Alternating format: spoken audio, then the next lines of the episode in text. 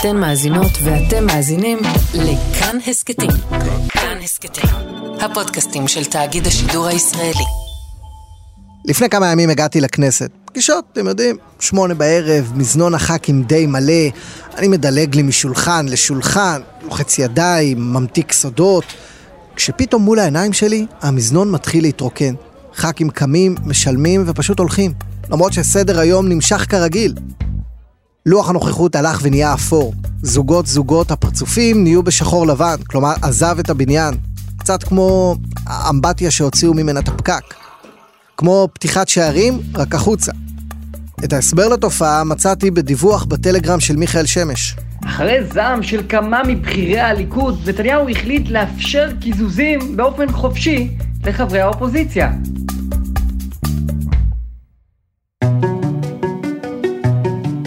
אהלן, אתם מאזינים לעוד יום, לי קוראים עקיבא נוביק, והיום נדבר על אחד התרגילים הכי עתיקים בספר הפוליטי.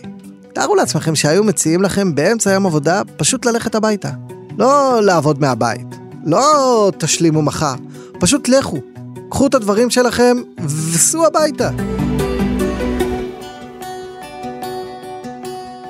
זה מה שקורה בכנסת כמעט כל שבוע. כדי להעביר חוק בישראל, לא באמת צריך שכל המאה ועשרים יצביעו עליו.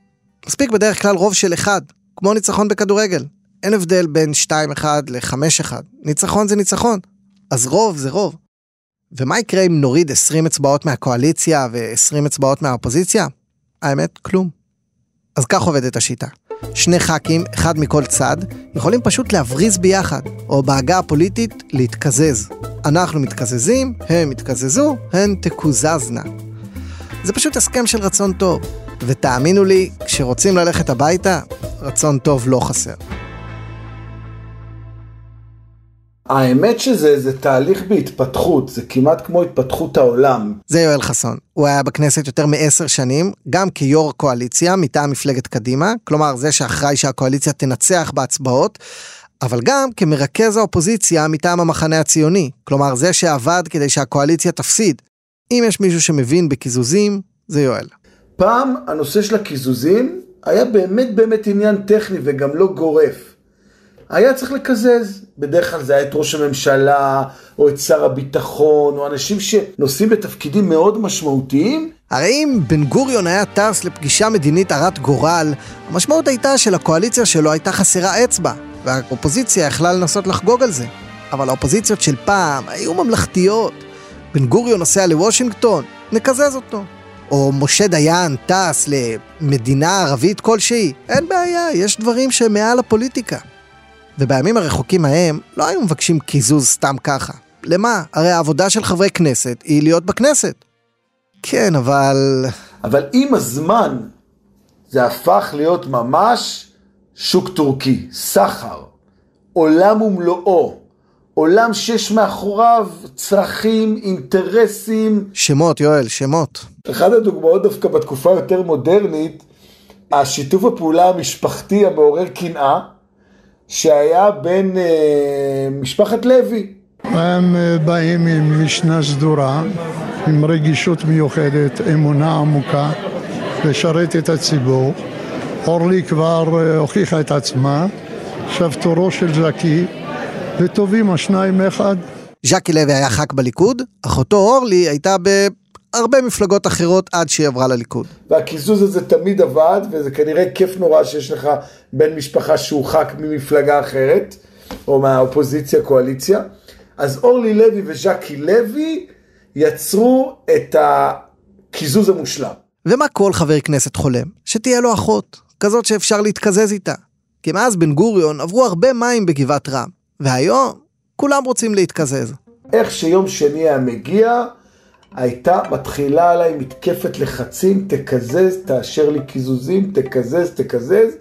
וזה שרים שהיו אובססיביים לאירוע הזה, הם ממש סלדו מהצורך לשבת בכנסת שעות על גבי שעות.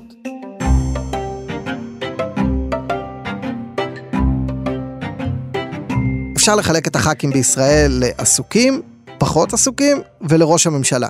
שכולם יסכימו שאם יש מישהו שצריך קיזוז קבוע, זה הוא.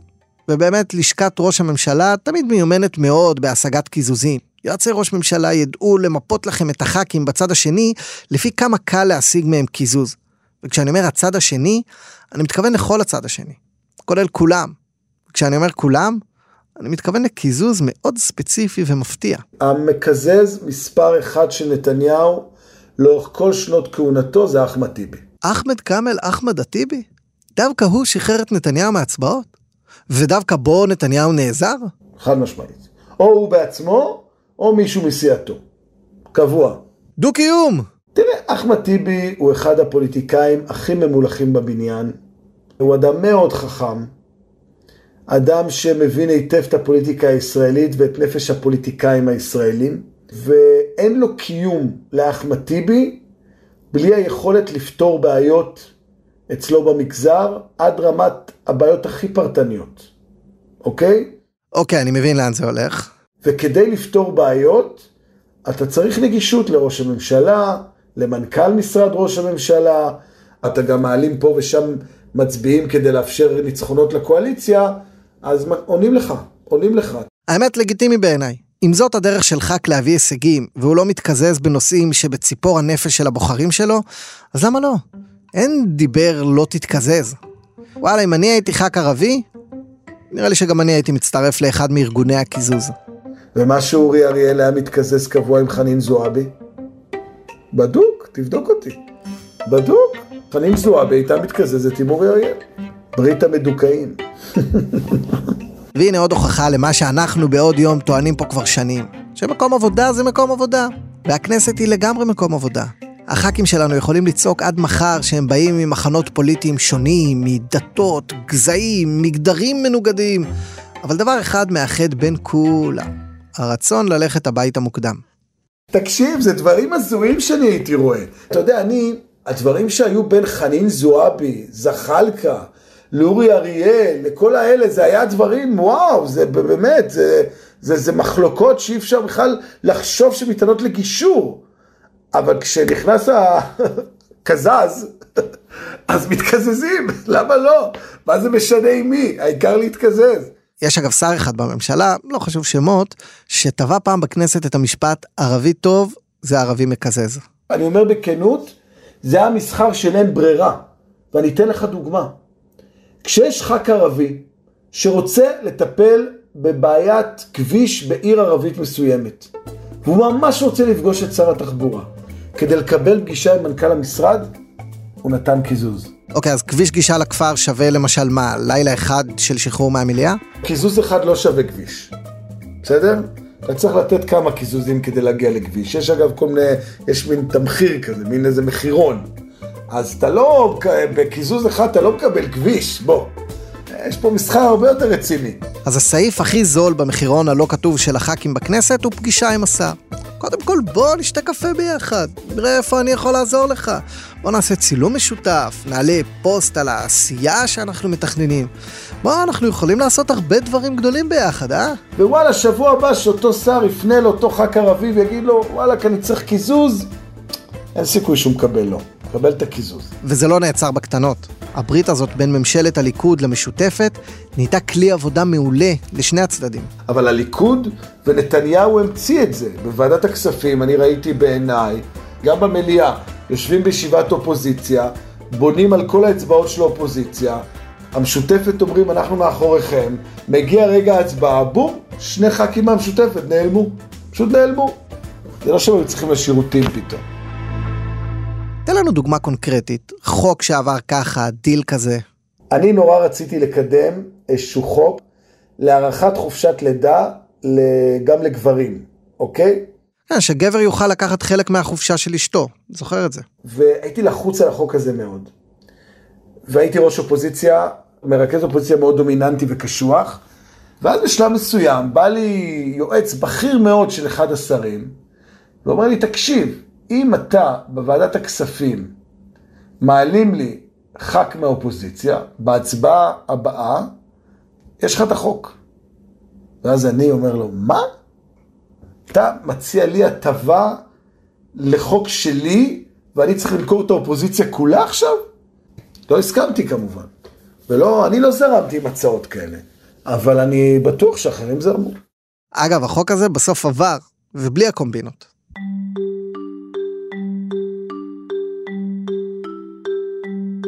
כאן המקום לציין שאנחנו מדברים בפרק הזה עם אחד הקמצנים הכי גדולים שידעה הכנסת. יואל חסון היה מאלה שהשתמשו בקיזוזים כנשק לכל דבר.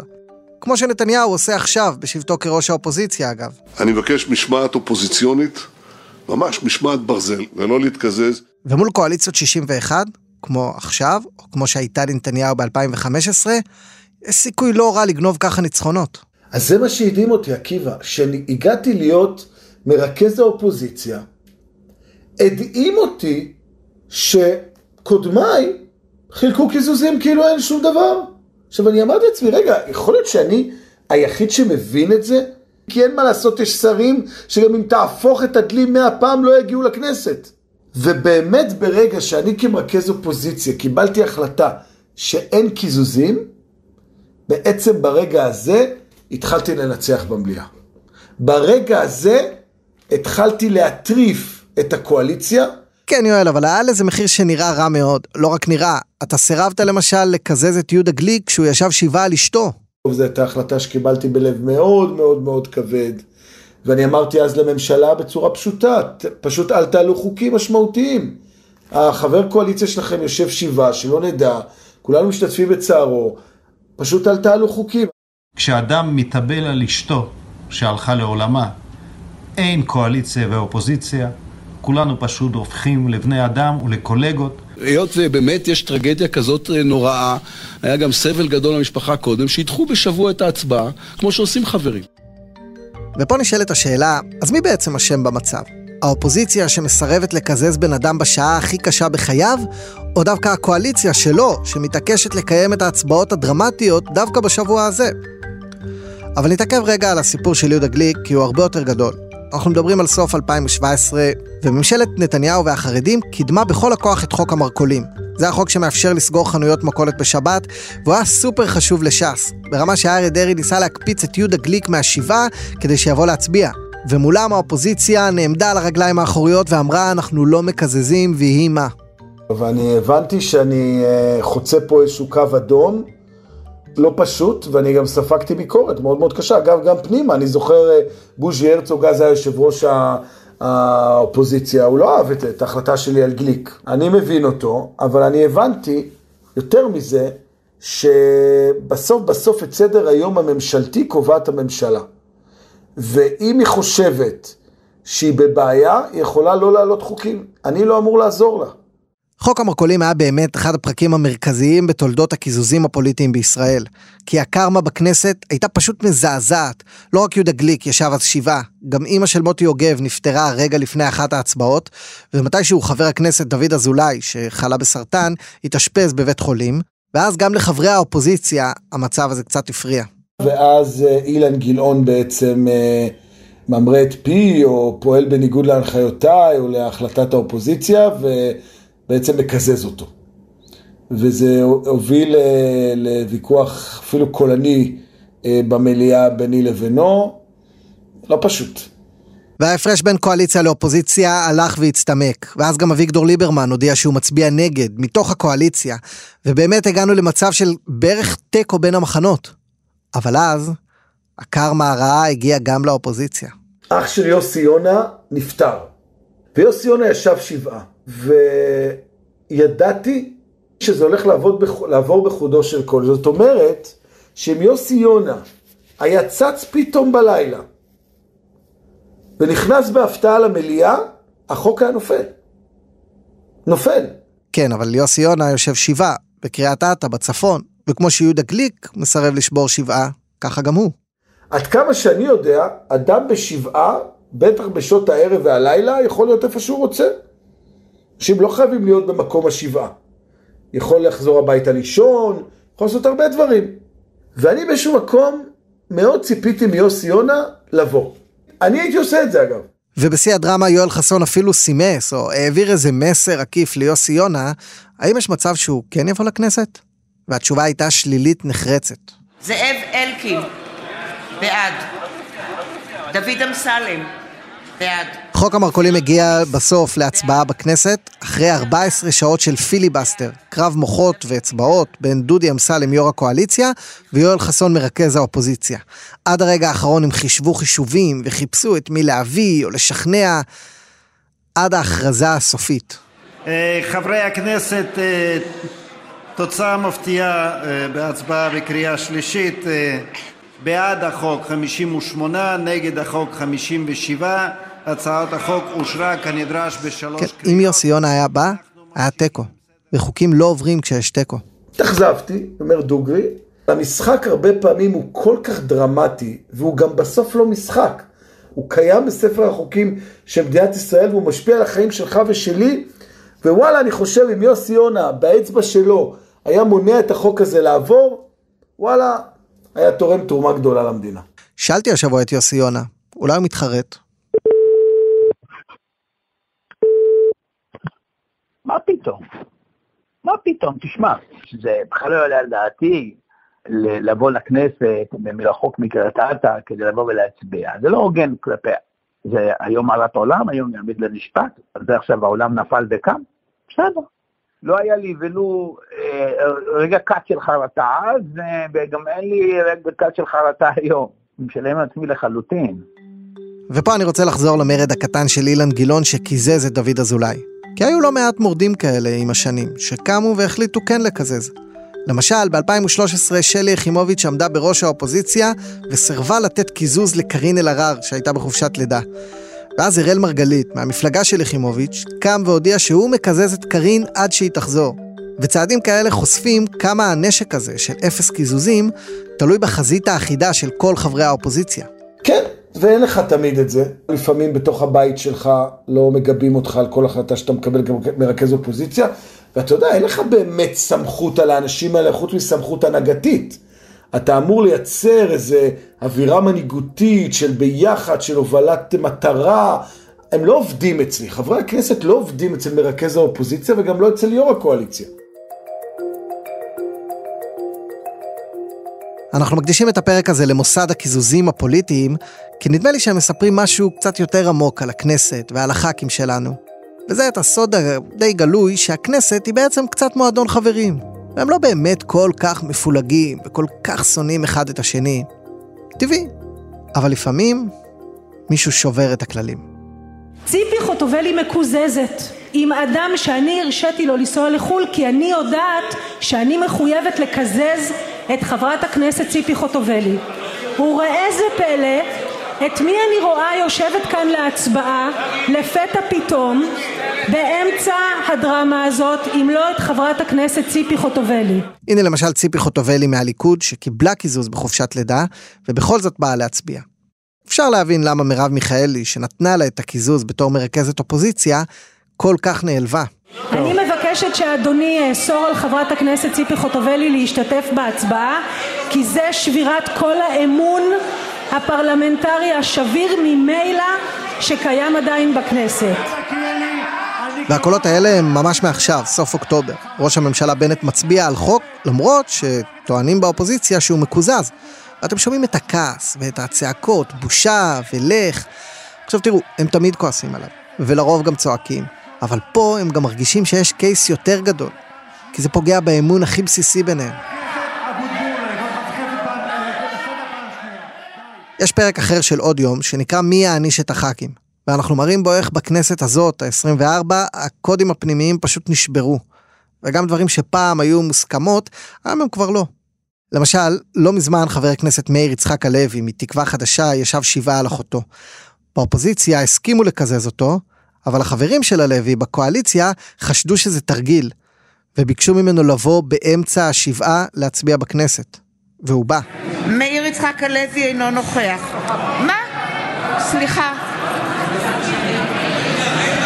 מאיר יצחק הלוי נגד. וזה כבר באמת נדיר. עד הכנסת העשרים, ובמשך כל שלוש הכנסות שלי, שאני הייתי בהן, וגם הייתי בכנסות קודמות כיועץ ראש ממשלה, הפרת קיזוז היה אירוע קיצוני ויוצא דופן. באופן חד משמעי. קיזוז זה קדוש. אבל תמיד היו קצת חריקות. למשל ב-2011 הייתה החלטה רשמית של הכנסת שנועדה לשמור על מוסד הקיזוזים.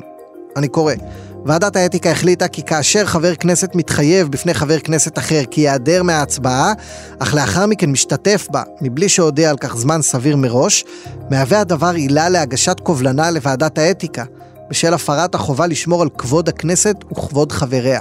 על החתום, יושב ראש ועדת האתיקה, שלי יחימוביץ'.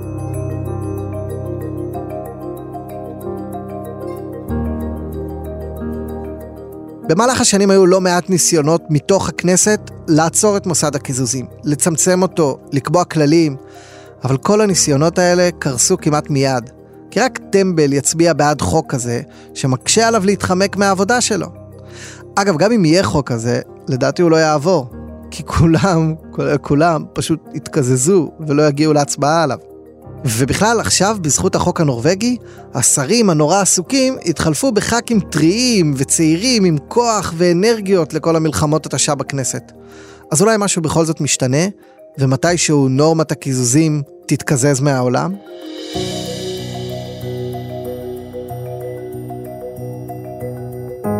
האזנתם לעוד יום, פרק שאותו ערכו דניאל אופיר וניר גורלי, עיצוב קול ומיקס עשתה רחל רפאלי, בצוות עוד יום גם איתי שכטר, לא הכדורגלן, איתי שכטר שלנו. תודה רבה לכולכם. אם אהבתם את הפרק, שתפו אותו, ספרו לכולם.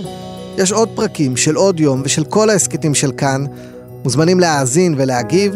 אני רוצה להודות לדניאל יוסף שהביא את הרעיון לפרק הזה, ולהזמין גם אתכם לתת לנו רעיונות או פידבק בדפים שלי, עקיבא נוביק, בפייסבוק, טוויטר, מיר, כמותקה, מקושרים, חבר'ה, ICQ, וניפגש בפרק הבא, אה?